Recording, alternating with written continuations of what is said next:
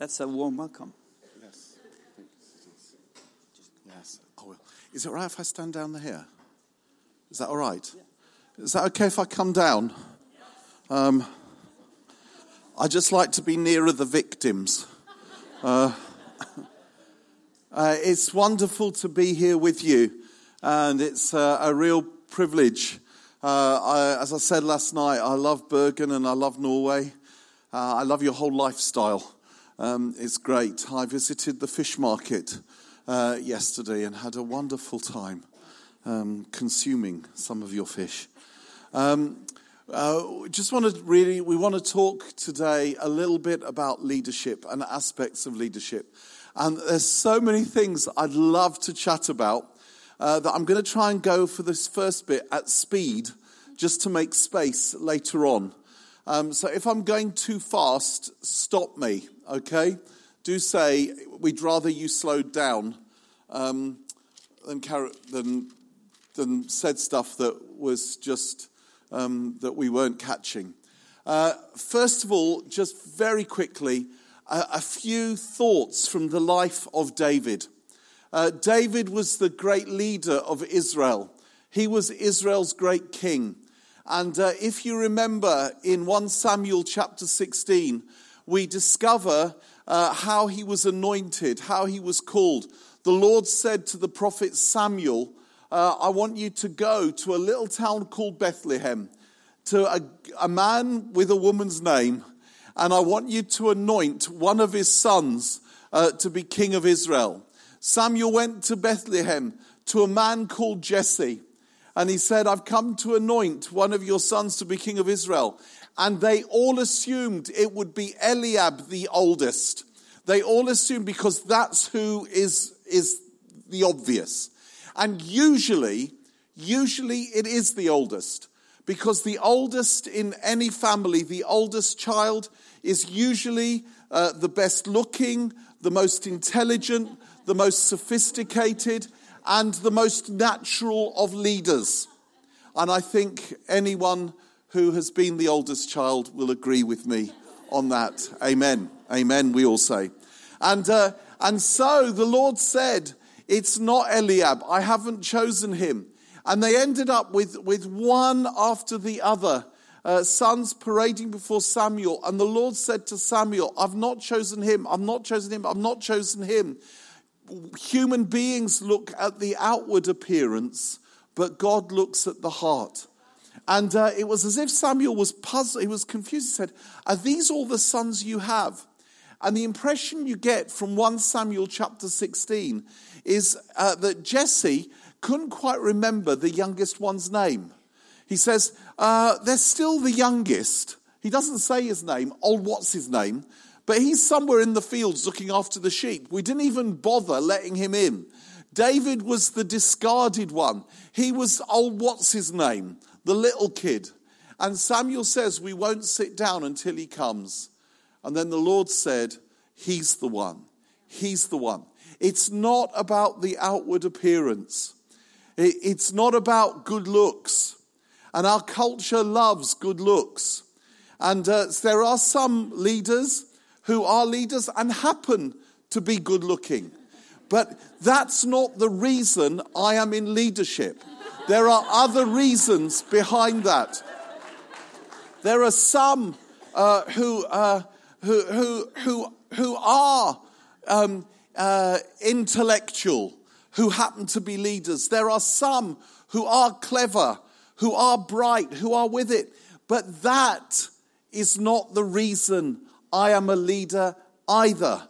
Uh, because God doesn't choose leaders on, on those bases. You know, God chose the foolish things of the world to shame the wise. He chooses the weak things of the world to shame the strong. He chooses the things that chooses things that are not to shame the things that are, so that the glory goes to him. And sometimes, you know, if you are very naturally gifted, if you are, if you do have everything going for you, it's actually much harder to lead spiritually, to lead in the church of God, because you have to learn to not rely on those things in order to lean on the Lord. And so the Lord chose David. And David, can you imagine that moment? He was anointed in front of his older brothers to be king of Israel, who had all been rejected. And by the way, the Lord hadn't rejected them as people. That wasn't, he, he, he, he doesn't reject people as people. He rejected them for a role. God has rejected me for the role of being a worship leader in the church of Jesus. He has not rejected me as a human being, but he has rejected me to be a musical worship leader. And if you ever heard me sing, you would know why he has rejected me to be a musical. I am sub musical. I cannot sing a note in tune. Now, that doesn't mean I'm rejected as a person. And so, and so the Lord rejected the others, but they, he said, This is the one. This is the one. So David was anointed in front of his brothers. Now, he's just been anointed to be king. What would you do if that had just happened? May I just say very quickly if right now, as I am talking to you, the British Prime Minister came through that door, David Cameron, and he said, Stop the meeting. I have just flown to Bergen. Her Majesty has died. Prince Charles, we think, is a bit too old. William wants to spend a few more years looking after the children, and there's no way we're going with Harry. Mike, we have decided we would like you to be King of England. Now, I know it's a fantasy, but bear with me, it's not a sexual fantasy. Uh, we have decided to choose you to be the King of England. If that were to happen, do you think I would stay here one more minute talking to you? No way. I would be out that door. I would be getting a first class seat to London. I would go to Buckingham Palace and I would be measuring up for curtains and carpets. I'd be there in an instant.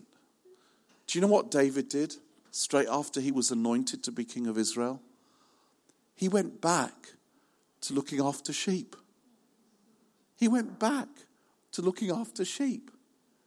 And he spent quite a while looking after the sheep. Now, there's three things about looking after sheep in those days. Number one, it was hidden. You know, there wasn't any Shepherd of the Year competition you could win.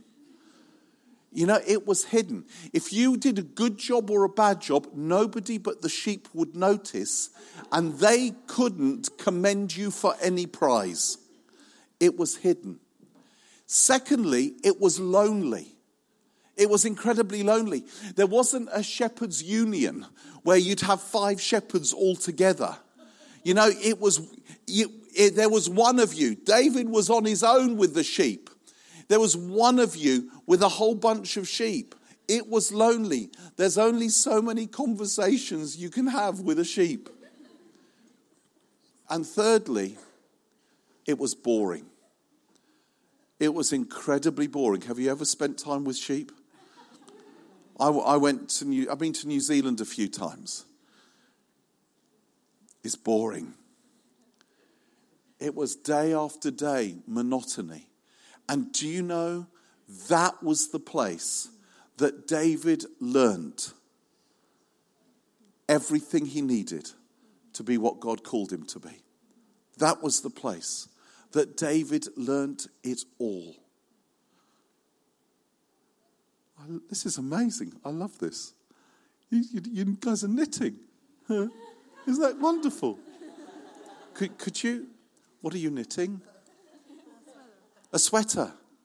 Um, I'm extra, extra, extra medium. and, uh, and blue is one of my favorite colors. Thank you. Um, I, I leave on Saturday, so hurry up. Um, and and it was it was lonely, it was boring, and it was hidden. And it was in that place, in that place that he learned everything. Anointing isn't enough. I love anointing. I'm, I'm, you know, I'm into all that. You know, come Holy Spirit. I love that. I love that. It's great. It isn't enough. There is a preparation that comes as well. That's why you guys are at Bible school. You know, there's a preparation that comes as well.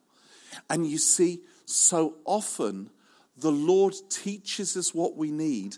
Guess what? You're not going to like this. I don't like it. In the lonely, in the boring, and in the hidden place. Put that in your pipe and smoke it. He teaches us, He prepares us for leadership in the lonely, in the boring, and in the hidden places. That's where it happens. And you see that throughout Scripture. Throughout Scripture, you see that. Uh, Moses, you know, you, know, you know, he led Israel for 40 years in the desert through the wilderness towards the promised land. Do you know how God prepared him for that?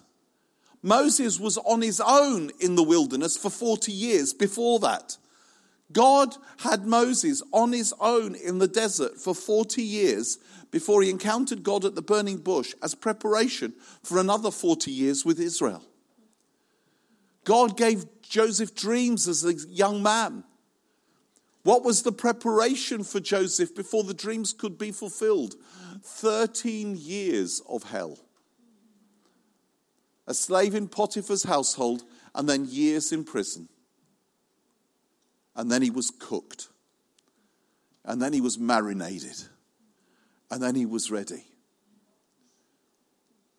McDonald's is quite nice, but it's not good for you.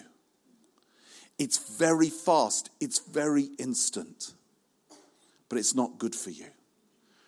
My favorite restaurant is a Lebanese restaurant about 30 minutes' drive from my home called the Sahara Lounge.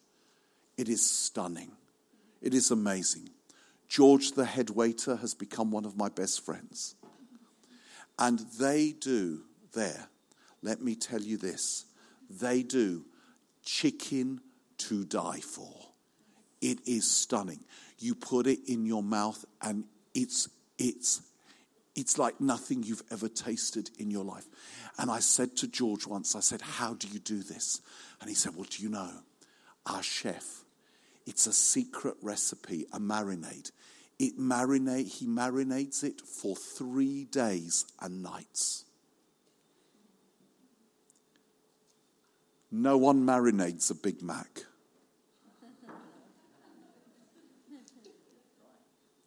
God wants to marinate us. He wants to prepare us well.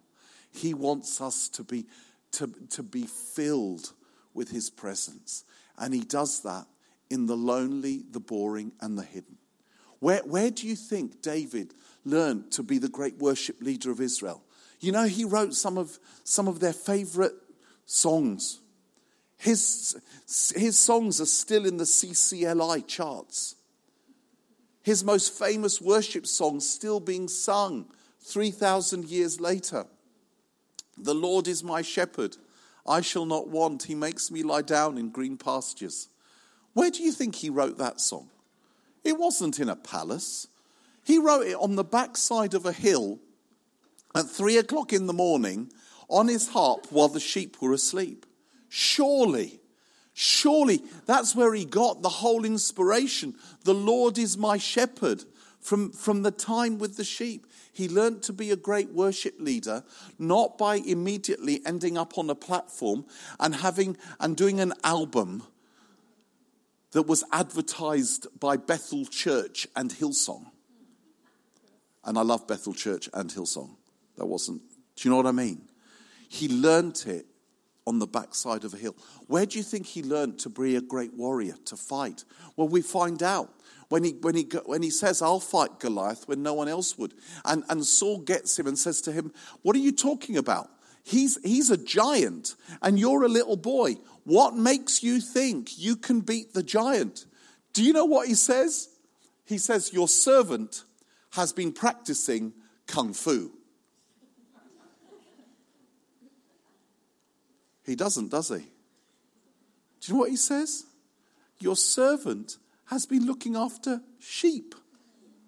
That's what qualifies me. He would never get into a modern army with that. The thing that qualifies me to beat Goliath is I've been looking after sheep. And then he explains when a lion and a bear came to attack the sheep, I would kill the lion and the bear. I learned how to fight by defending my sheep in the hidden, the lonely, and the boring place. And finally, where do you think he learned to be, to be shepherd of Israel? The lessons were learned, obviously, in that place, looking after the sheep. Do not despise the day of small things. Do not despise the hidden, the lonely, and the boring place. You know, it was years from when Paul, Saul, was converted, became Paul, before he started to minister. Barnabas went and got him, and, and they hid. The Lord was dealing with Paul in that place before he could come out and, and learn the secret of obedience in the little places. It, if you can't do the small obediences, you'll never do the big obediences. He who is faithful in small things will be faithful in big things. I meet too many gifted young Christians. I've met too many of them who, who they're waiting for their moment. They're waiting for their break. They're waiting to be recognized. And then, if that moment ever comes, they mess it up because they haven't learned obedience in the small things. And you don't just switch it on. They haven't learned how, how, to, how to beat Goliath in the hidden place when no one's looking, when no one says, Well done. That's how it works. Don't despise that. Take time in it. Be prepared thoroughly. And then, God, when God uses you, you won't fall apart. Now, we could go on to that a little bit later, back to that, but there's so many things I want to talk to you about. Um, uh, one other, just that we can look at now before lunch, and then after lunch, we're going to look at some lessons from the life of Nehemiah, and we're going to do a bit more of a Bible study um, in leadership. Um, but but uh, one of the, the key things I believe for Christian leadership that's always been the case biblically, always, but the church hasn't been good at it, and the church has to get back to it in this day, in this era. Is, is leadership is plural, leadership is not singular. Leadership is about team, leadership is not about one. Leadership is about building a team. The first thing you do is, you know what Paul says? You know 1 Corinthians 12, 13, and 14.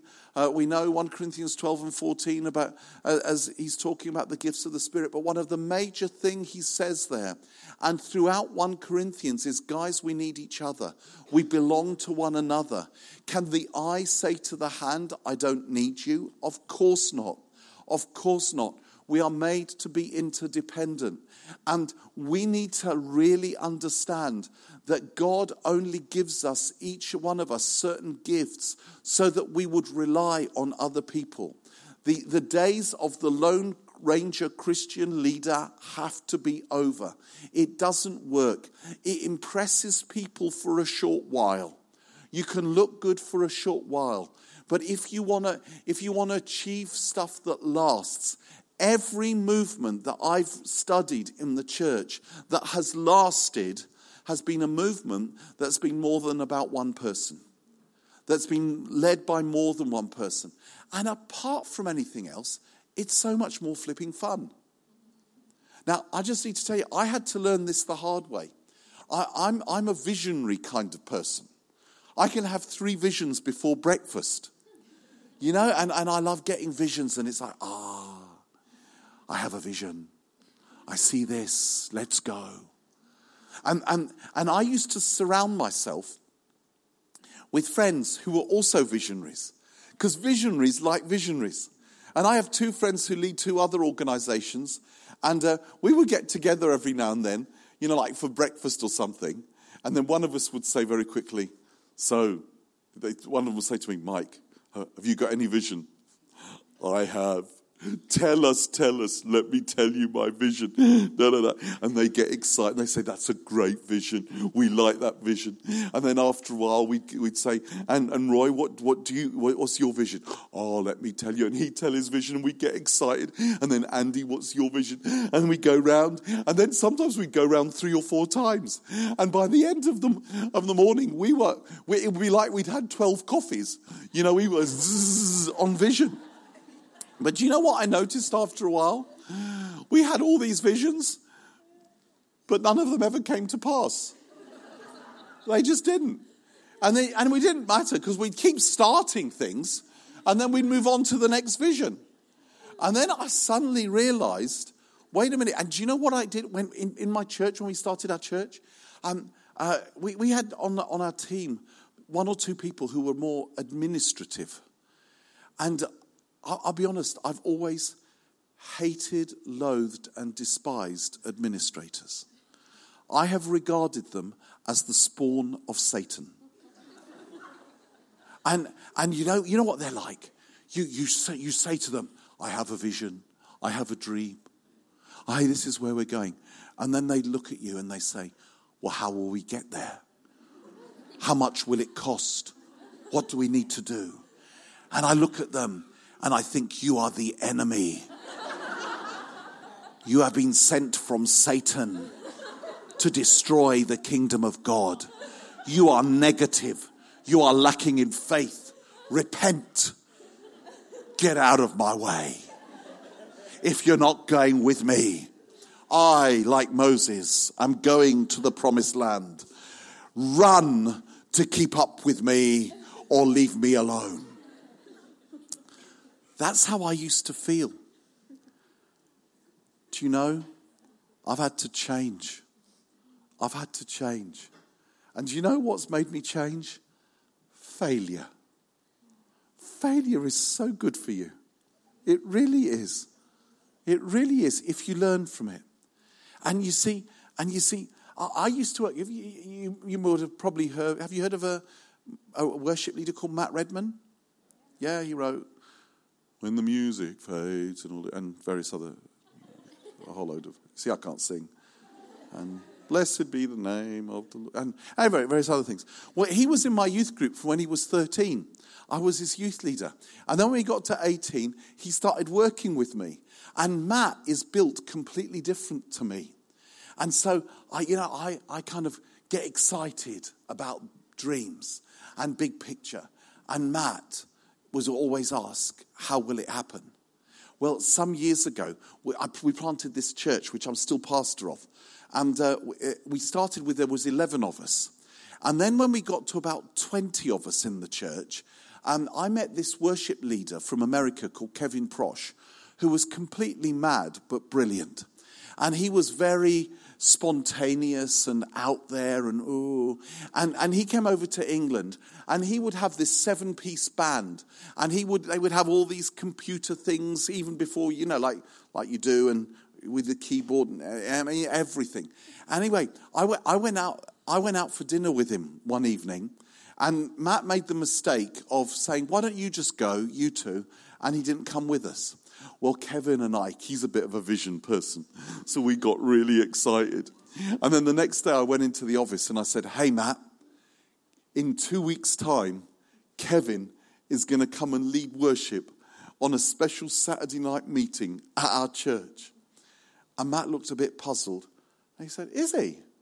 Does, does he know there's 20 of us in the church? I said, I can't remember if I mentioned that, but he's going to come.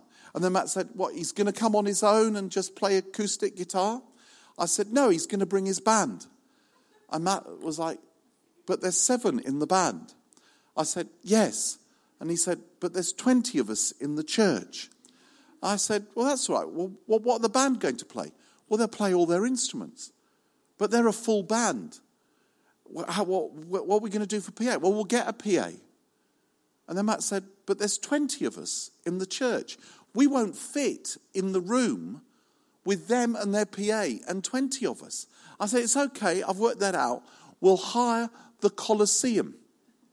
And Matt said, But the Colosseum holds 3,000 people. I said, Yes. And he said, But there's 20 of us in the church. How are we going to do that with 20 of us in the church in two weeks?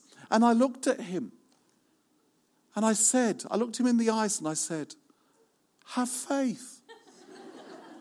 and then I left and I went to bed and had to lie down because it's quite exhausting being a visionary. And when I left, Matt, Matt wandered off, sulking. Have faith. I don't know what's going to happen. I'm going to have to organise it. Let me tell you, and I say this in all humility, two weeks later, Kevin and the band led worship. There were 3,000 people in the Colosseum. Oh, yes, sister, yes. 3,000 people in the Colosseum. The place was rocking, everything was happening. As it was happening, I turned to Matt and I looked at him and I went,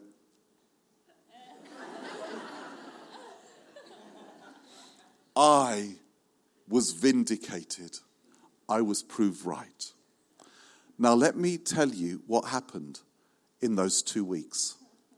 While I was having a lie down because it's exhausting being a visionary, Matt made up posters and leaflets. He wrote to all the churches he could find around London.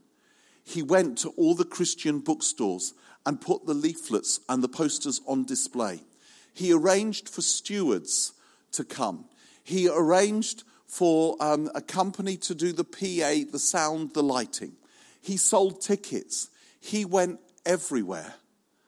And as a result, 3,000 people came.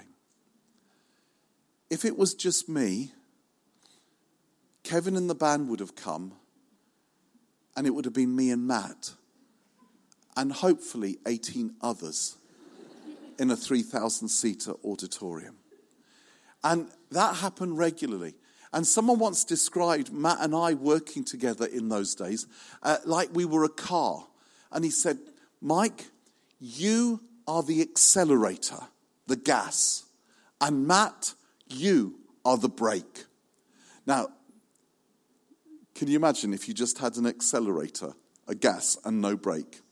The car would start Within seconds, it would start going faster and faster. It would go at top speed. It would go round corners on two wheels. It would be so exciting, exhilarating, and fun for about 90 seconds. And then you would die. Can you imagine if the car had a brake and no accelerator? It would be safe it would be secure, there would be no danger, but you wouldn't go anywhere. You need both. You need both. And I've learned to, to understand that I need people who aren't me. I need people who will say, Who will pay for it? How will we do it? How will it work? And will hold me accountable. And who will argue with me I need people who are gifted in areas that I am not gifted. That's how it works. That's how it works. And do you know, many leaders in the church are insecure, and we want to be the only gifted one. We want to be, I want them to know that I'm the, I'm, I won't have anyone who's got gifts that are better than mine in the team because then they might be the leader. I might lose my leadership. And what will happen then? I want people to depend on me. That's satanic. That's the opposite of the gospel. Do you know now? I planted our church 23 years ago. There was 11 of us. Now there's, I think, 1,150 we have on the books. And uh, um, about just over a year ago, uh, the elders of my church, uh, one of them's at the back, um, appointed this 28 year old who knows nothing to be joint senior pastor. I was the senior pastor for 22 years, and now I have to share it with this 28 year old. And I love it. I love it. He was my intern when he was 18. And now he's grown up. And, and uh, seriously, the moment he's ready, I'll step back and I'll be an assistant pastor. And you know, but he says, I keep saying to him, whenever you're, he said, why would I want to do it on my own? Isn't it fun doing it together? We complement each other. He is so much better. If he was doing this, okay, if instead of me, you would have so much better notes. It would be systematic, it would be ordered, it would not be a stream of consciousness. You would not be thinking, is he ever going to stop? Is he ever going to land? And do, do these points have anything to do with each other? He really knows how to preach. Can I tell you, there was one time a while ago, I, had been away on a ministry trip, and, and I came back and, um, and I asked one of the older ladies in the church, I said, How was Sunday's, the Sunday service? And she said, Oh, Andy preached an amazing sermon. It was brilliant. And then she said, she found herself saying, Best sermon we've had in this church for years. and then she suddenly realized what she just said. And it was like, Oh, oh, oh, oh, oh no, yours are very good as well. And I said to her, I said, Prue, it's too late. The ship has sailed. It's too late. I love it. I love it. I love it because I can't do it on my own. We had another guy who was an associate pastor in our church. Sadly, he, he, his wife is still an assistant pastor in our church. He, he led the church with me, and he died about uh, three years ago, three, four years ago, from, from stomach cancer. But before that, he was the associate pastor and he was the dad of the church for about 12 years. And he did things that I just couldn't begin to do. He just, he loved people. And you know, there was one t- I used to see when people used to come in, he would be standing near the door and he would hug everyone and they'd all come up and hug him. And then I thought, that's lovely. And then one morning, I thought, I'm going to go and do that. So I went and I stood uh, by the door and, and he stood near me. And people came in and, and they went, hello. And they went and hugged him. And there was a moment where it hurt. There was just a moment where it was like, they love him more than they love me. Oh. And then it suddenly hit me. Hallelujah. Hallelujah. That I don't have to try and be everything. And Jesus gets the glory when we do it together. He gets the glory in team. And guess what? It's so much more fun. Matt used to be, he was, he was a 13 year old in my youth group. You know, after he started writing songs, his songs went round the world. I used to take him with me when I used to go and speak, and he used to just listen. And I'd say, Learn, boy, learn. Then, after his songs started going around, I remember we went to this one, we went on our first ministry trip, I think it was to South Africa. And we landed and we went through passport control and we went out.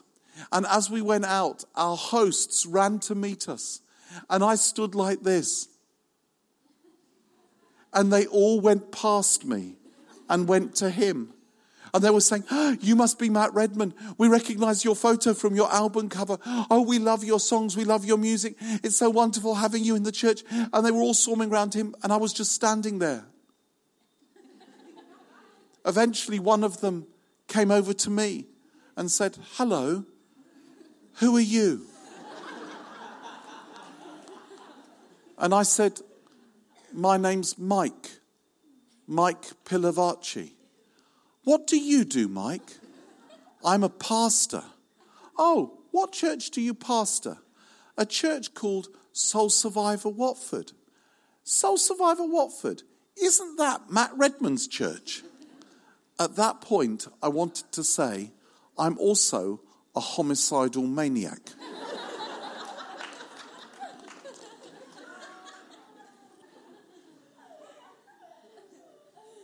I stopped having a name. I became known as someone else's pastor. Do you know what that's like?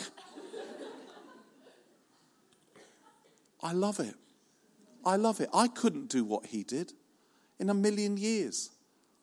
Do you know our second? He was our first worship pastor. Do you know our second worship pastor? Have you heard of Tim Hughes? He wrote, Here I am to bore you, here I am to, you know, that. I'm very, and, oh, happy day, happy day. anyway, he was, I've, I've known Tim since he was 11 years old. 11 years old. The first, I just tell you this. My first memory of Tim, I just got to tell you this, is nothing to do with the. This is what I mean. If Andy was doing this, we wouldn't be going here.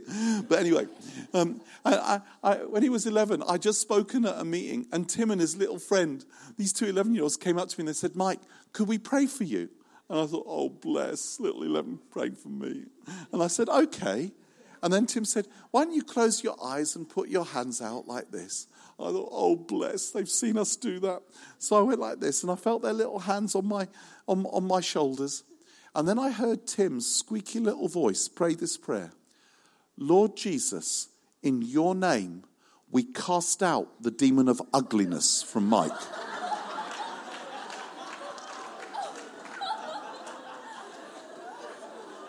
and you know, I was like, did, did I hear that right? And then I opened my eyes, and the two of them started giggling and they ran away. And they ran away.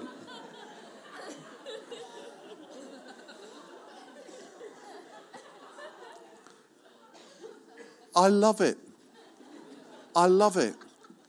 Matt and Tim and various others could take us somewhere in worship that I couldn't in a million years. And I could have, I could have got all, oh, I don't want, I don't, I don't want him to be here because cause people will think he's, they, they'll, they'll look at him more than me. It's not about me. It was never meant to be about me. It's about us together creating a community where people can see Jesus. And when they can see Jesus in our working together, guys, in the years to come, those of you that end up in leadership, whether it's a local church or organization, look for people to work with you who are better than you in certain areas, who can do things that you couldn't even dream about. Find them. And, and, and the secret is doing it in friendship.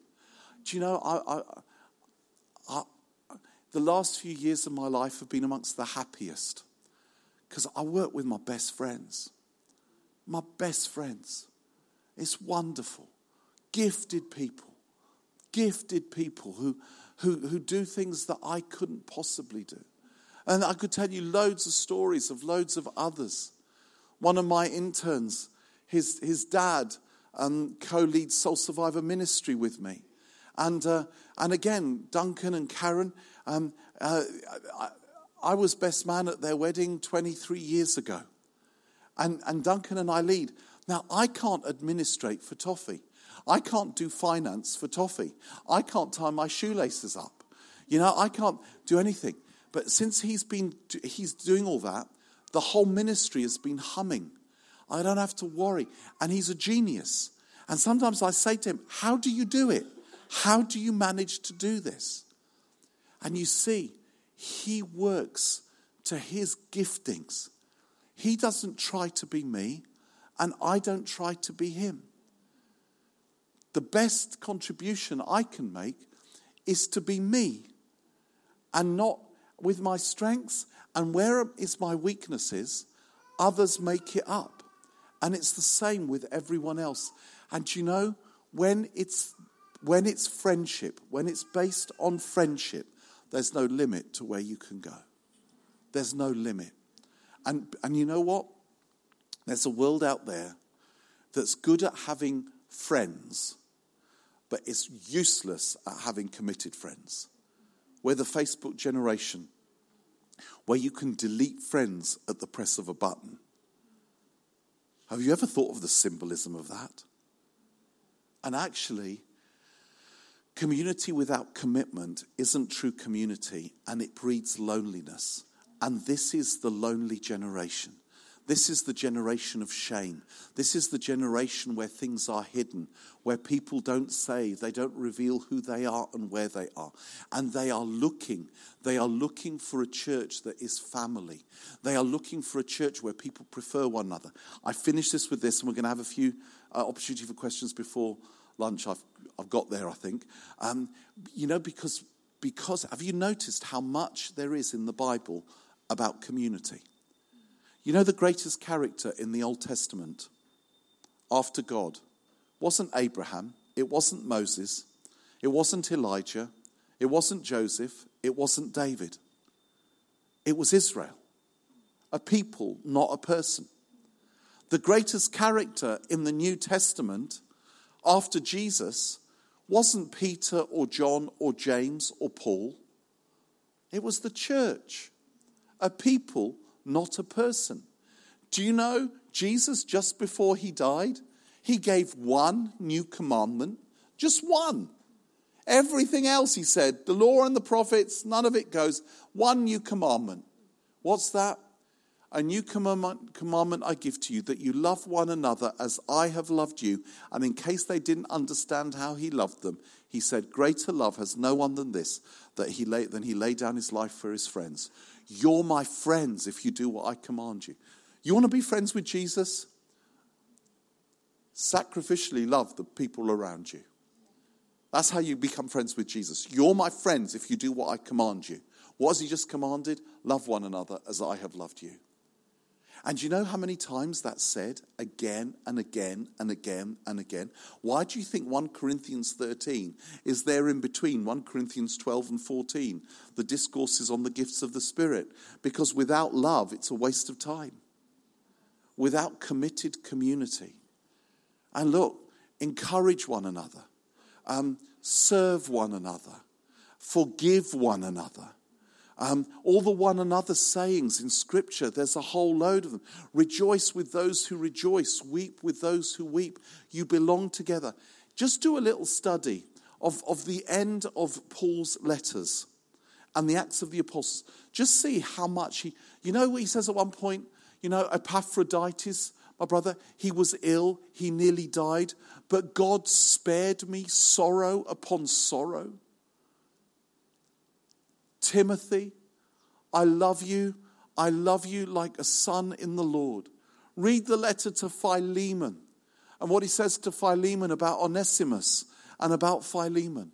Read what he says to the Philippians about um, Eunice and Syntyche. Read, read some of that. He loved deeply. There was a commitment. And in all that we learn about techniques of leadership, if we learn all the techniques, do you know the places I've seen where, that, where God has used people in a committed way? You know, Hillsong? I love Hillsong. I wouldn't do everything that they do and everything the way they do it, but that's because I'm, an, I'm Church of England, part of the true church. And, uh, but I've been to Hillsong quite a few times, and I wondered, what's the secret of their growth? Is it that Brian Houston, he is a strategic thinker? He got together these gifted people, Darlene Zschech at the beginning, and then Reuben Morgan, and then various others, and Hillsong United, and Hillsong, Little Hillsong United, and Hillsong, the latest version of United, and all of that. What was it?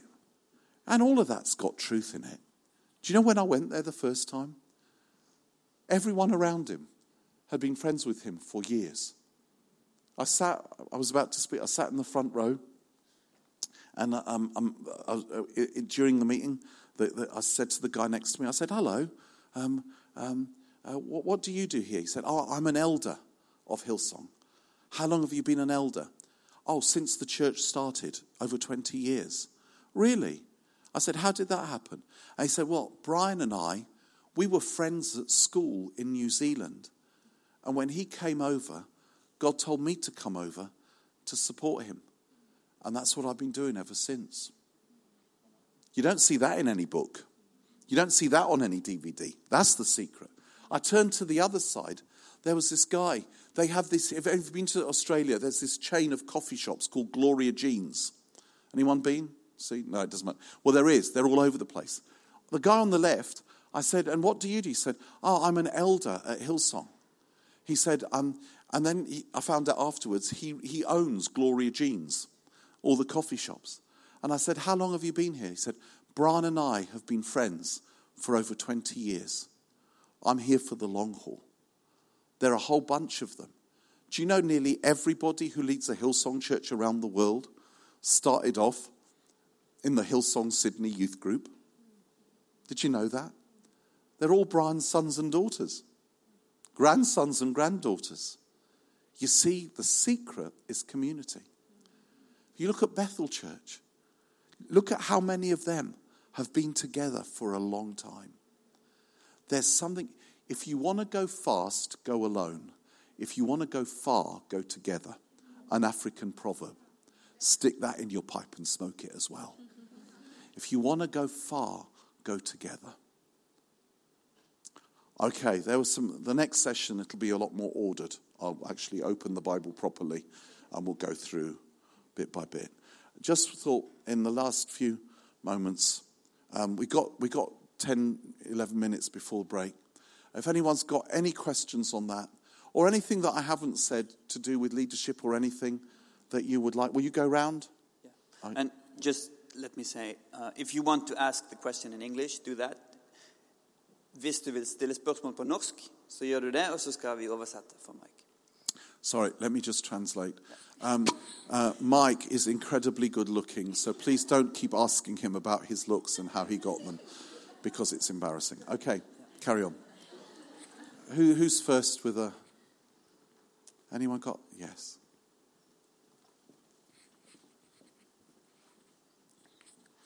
You say you are a visionary, and uh, my question is uh, how do you handle the tension between um, where you are and where you're going, from what you see in the moment and what you see in the future, and that tension. How do you handle that? Great question. Gosh, that'll. I won't give you the hour's worth of reply. That's a brilliant, brilliant question. With great difficulty is the answer. With, and, and, and I want to be honest with you. It, lots of this is not easy. Because for me, I'm, I'm an impatient. Well, you know, when you don't have any administrative gifts, process is boring. You know, why do we have to, why do we have to process? Let's do it tomorrow. And you have to learn through, I've got the scars when I've tried to do it tomorrow and it's failed.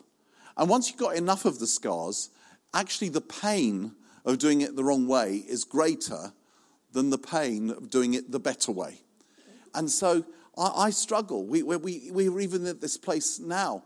and we've been talking about um, our church is, that is growing, the morning services particularly.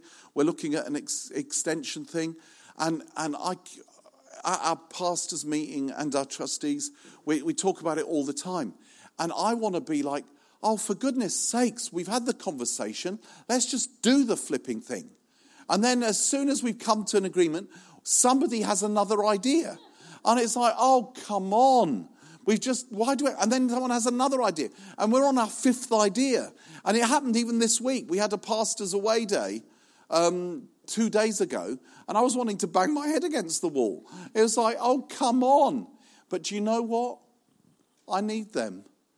Because if it was just me, we would have done the very first plan immediately, and it would have been done wrongly, done badly. Take a little longer. Do you know the thing we often get wrong in the prophetic is timing? When there's a prophetic word, I've noticed this. The thing we always think it's going to come true earlier than it will. You know Joseph's dreams, you're going to bow before me? There was no word 13 years are going to happen first of misery. And then actually another few years before that happens.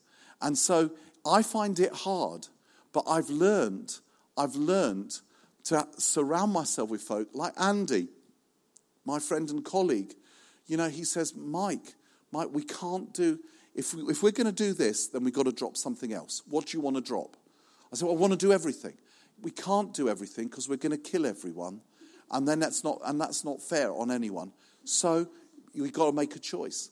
And and I've learned to listen, and I've learned, you know, and there's, a, you know, when you see the future. We're going to talk about this later on. Do you know the, the thing about a visionary is, I know it's obvious, but you see something before anyone else does. And it's like you see it in the distance. Can you see, can you see that mountain over there? What mountain? There's no mountain. I can't see. Of course, there is a mountain. Look. You're not looking. No, there's no mountain. There's mist. But I can see. Can't you see? Do you know, when you're a visionary, there's, a, there's a, an element, there's a, for a while, it's very lonely. Because at the beginning, nobody can see what you can see. And you have to take people on a journey and gently and regularly explain and keep pointing it out until people eventually say, Oh, yeah, yeah, I think I can. And you know what? Sometimes, after a while, they'll say, Mike, there's no mountain there. You imagined it. Yeah, maybe I did. There, a bit of humility comes in handy. You know, just because I think I've seen it doesn't mean we need each other. So it is hard, it's not easy, but, but visionaries have to learn to value the process of bringing the vision to reality. And it's always slower than you want it. Always. I don't know if that, that's a simple answer. All right, thank you. Uh, uh, who else? Does someone here? Oh, oh, well, you go. Sorry, you know.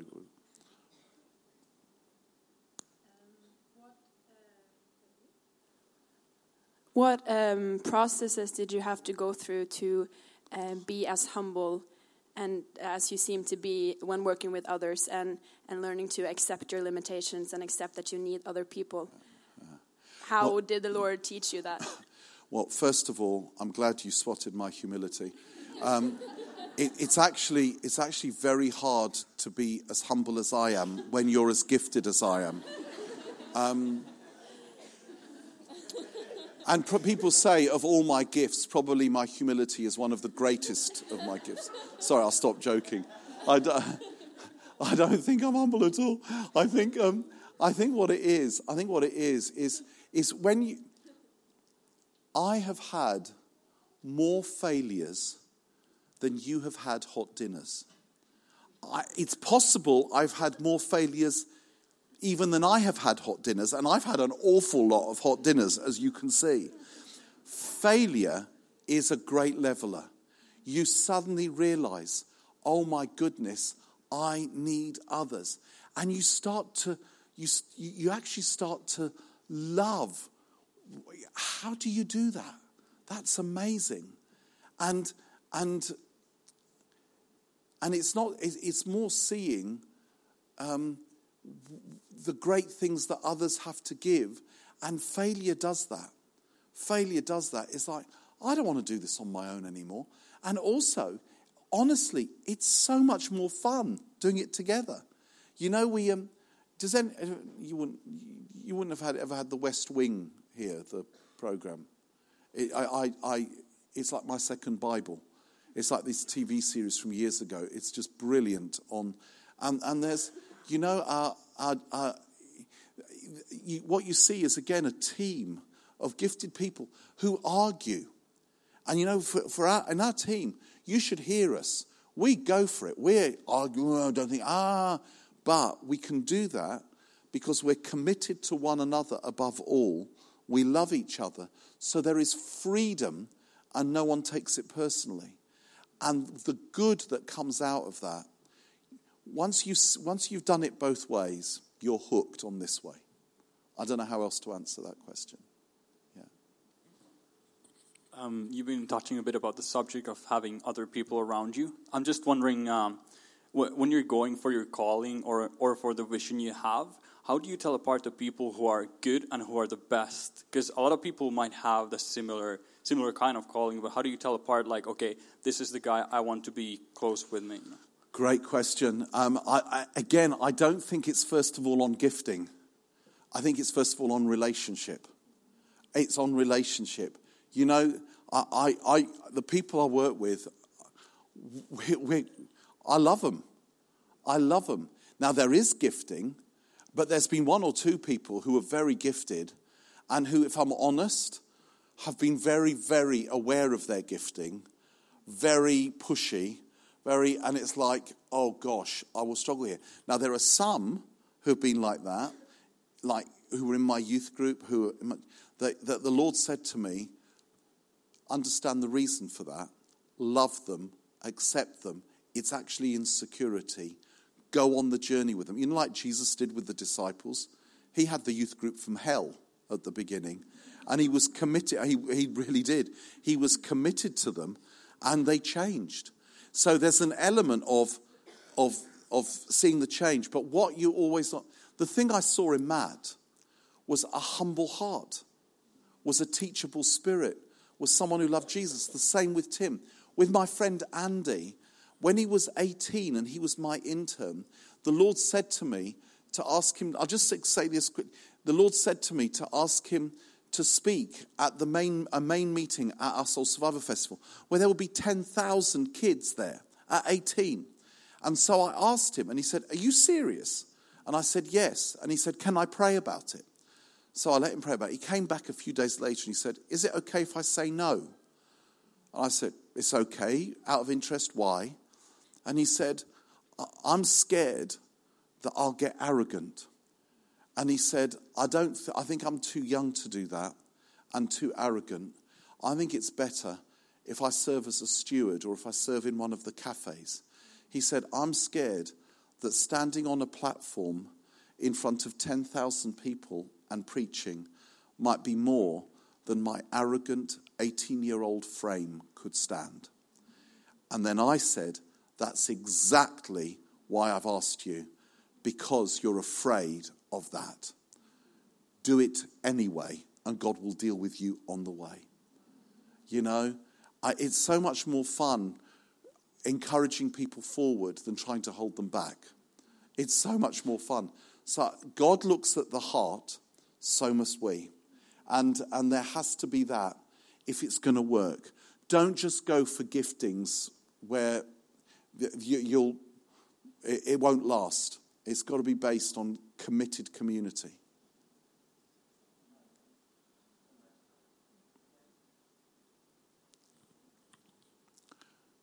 There's one more here. Oh, and it's lunch. Uh, I just wondered how have you learned to trust God more than your giftings? And in every process or every step that you take, how do you know that you trust God and not your giftings? Oh gosh.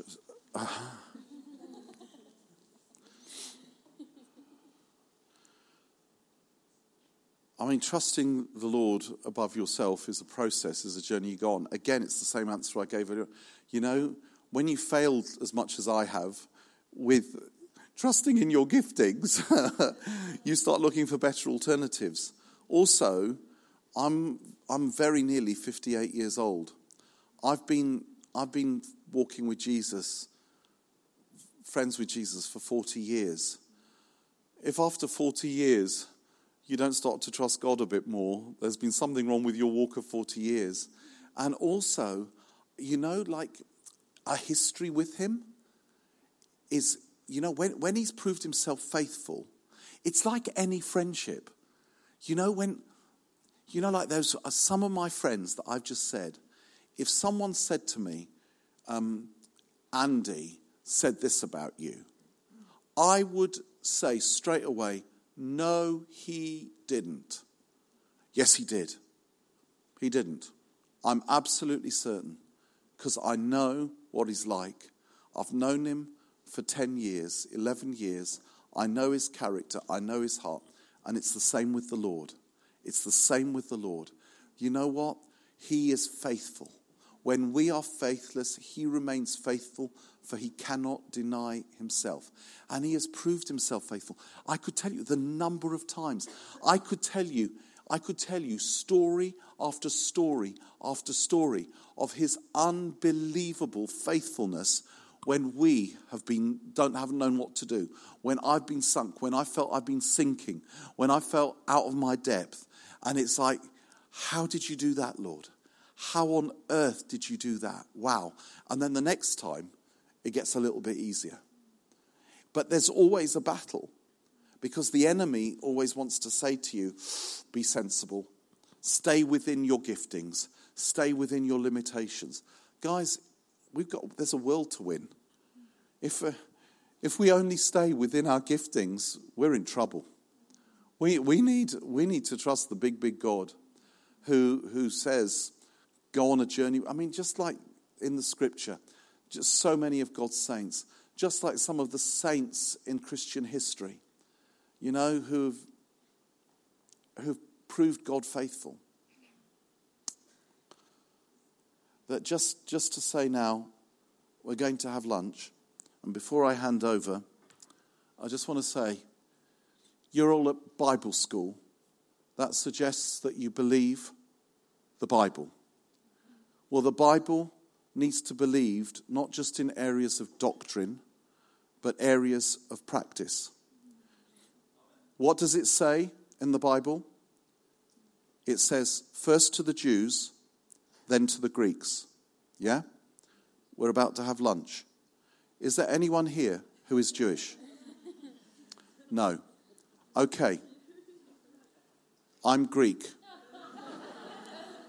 I'm going first.